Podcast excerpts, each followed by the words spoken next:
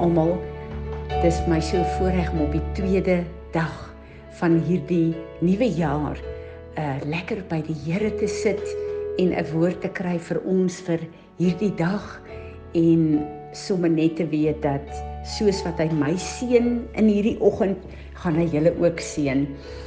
Ek het so ervaring dat die Here uh my terugroep na 'n plek van uh gebed my gebedsverhouding met hom en ek wil met julle deel die uh gebed wat tot in alle ewigheid seker die mees omvattendste is. Bly die onsse Vader waar die disippels vir Jesus gesê het leer ons bid. Want hulle het besef dat gebed was die hele wese die kragpunt van Jesus hier op aarde en hulle het dit begeer. Hulle het geweet hulle moet leer hoe om te bid.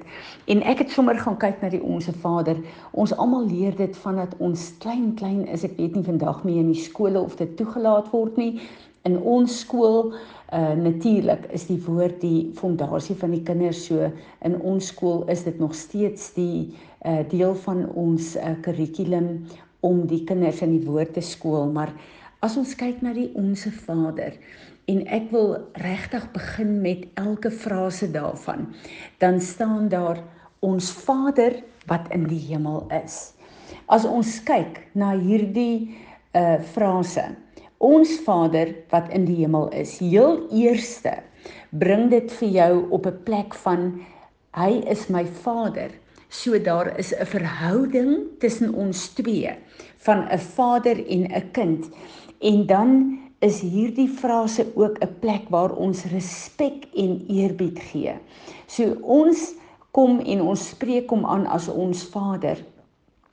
Wat dan uh vir ons sê, uh as ons kyk na 'n aardse pa, as 'n kind met sy pa praat, dan praat hy met iemand wat alles vir hom voorsien, alles vir hom kan doen, hom kan lei, vir hom kan beskerm. En dan weet ons hierdie is 'n plek wat hy vir ons oopmaak om ons te laat voel as mense dat ons as mense hom kan bereik. En onsse Vader is ook 'n plek van lofprysing. Wanneer ons kom en ons aanspreek as ons Vader, dan staan ons dadelik op 'n plek waar ons in eerbied en respek met lofprysing tot hom nader.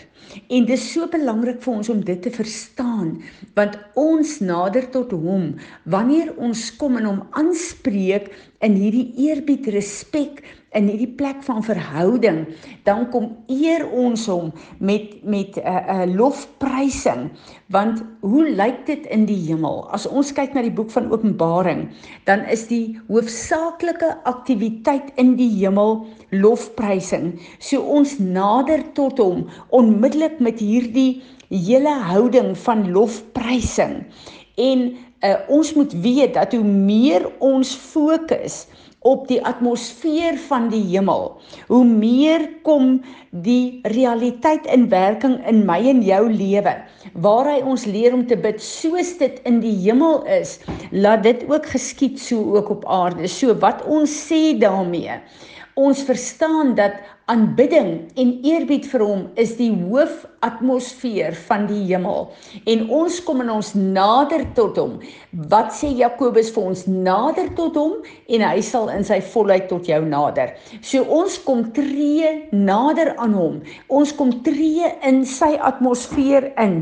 En die awesome awesome skrif wat hier vir ons antwoord wanneer ons doen is Psalm 22 vers 3 En ek wil vir oggend dit vir ons lees in die Passion. En ek wil hê jy moet 'n bietjie stil sit en dink wat hier gebeur. Jy nader nou tot God en jy kom met eerbied en spreek hom aan as jou Vader in lofprysing. Nou sê Psalm 22 vers um, 3 vir ons: "Yet I know that you are most holy. It's indisputable." Um So hier praat Dawid met God en sê u is heilig. Dit kan nie eers beredeneer word nie. En dan sê hy 'n belangrike ding. You are God enthroned, surrounded with songs, living among the praise of your princely people.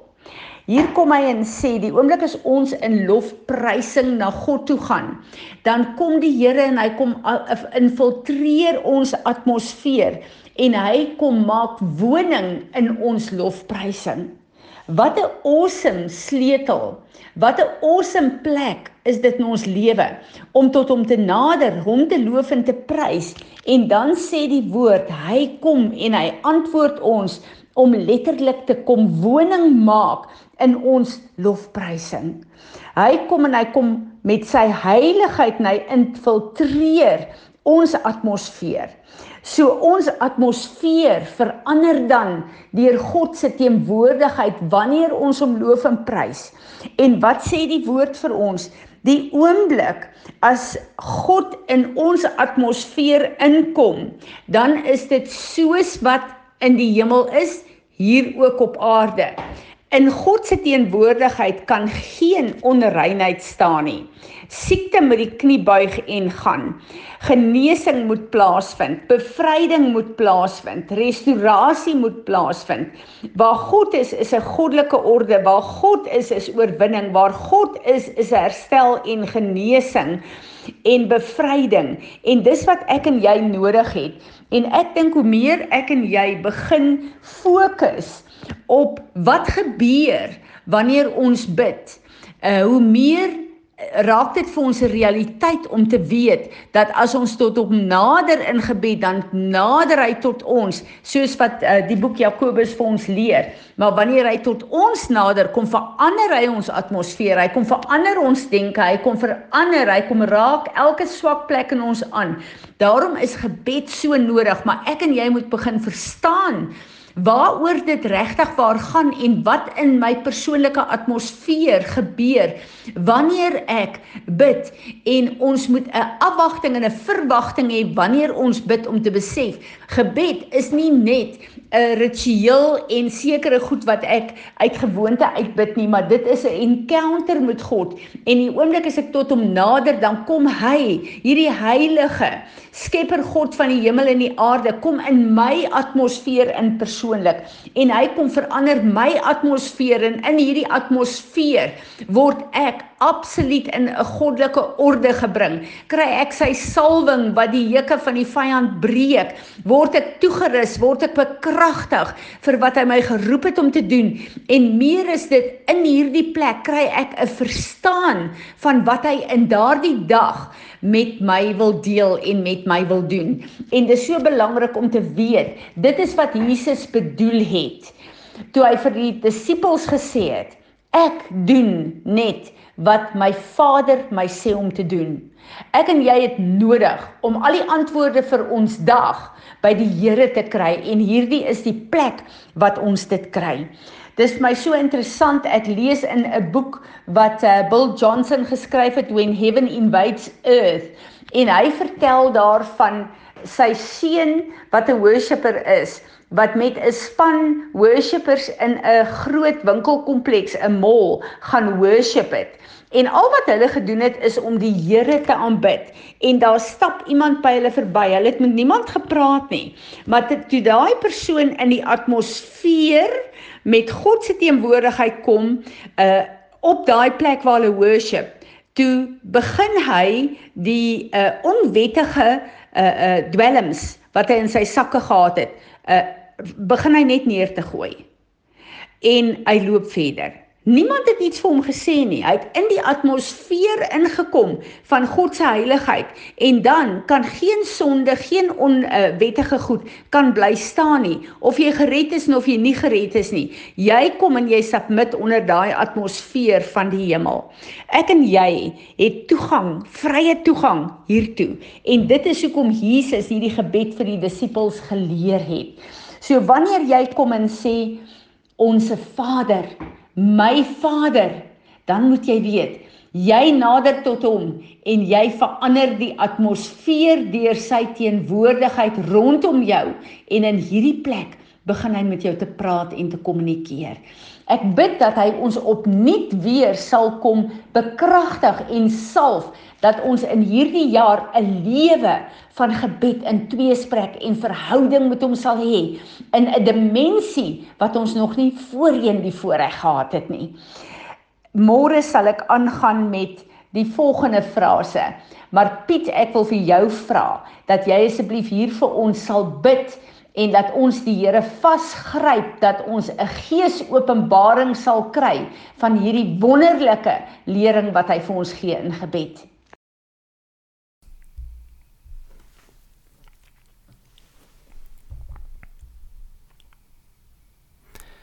Vader, U sê vir ons Jakobus dat ons ontvang nie wat ons bid nie.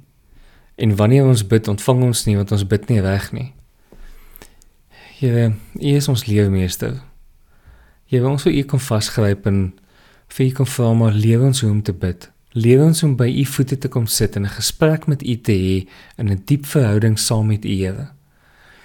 Jy weet want uit ons eie uit het ons nog 'n manier om om net te kom moan en net te kom vertel wat alles verkeerd in ons lewe en net hierdie lysies wil hê van net wat ons wil hê, Here. Jy weet maar ek besef dat dit is nie noodwendig wat wat 'n gesprek in 'n in 'n diep verhouding en gebed met U is nie. Weet ons persepsies, al die goed wat ons dink rondom gebed. Weet kom verander dit. Kom wys ons wat wat U wil hê in hierdie tyd wat ons moet doen en waar ons verhouding heen moet gaan, Here. Here Jesus, ons kan niks doen sonder U nie. Ek wil vir U vra dat U elkeen wat hierna kom, wat na hierdie ding luister, weet dat U ons sal leer hoe om te bid en hoe om in 'n intieme verhouding met U te stap, Here. Weet want op die ou ende kom alles uit 'n intieme verhouding met U uit, Here. Ons wil graag in hierdie verhouding wees, Here. Here kom help ons om dit te doen. Kom kom leer ons om by U voete te kom sit en 'n verhouding met U te hê. Dankie Here dat U ons nie los nie.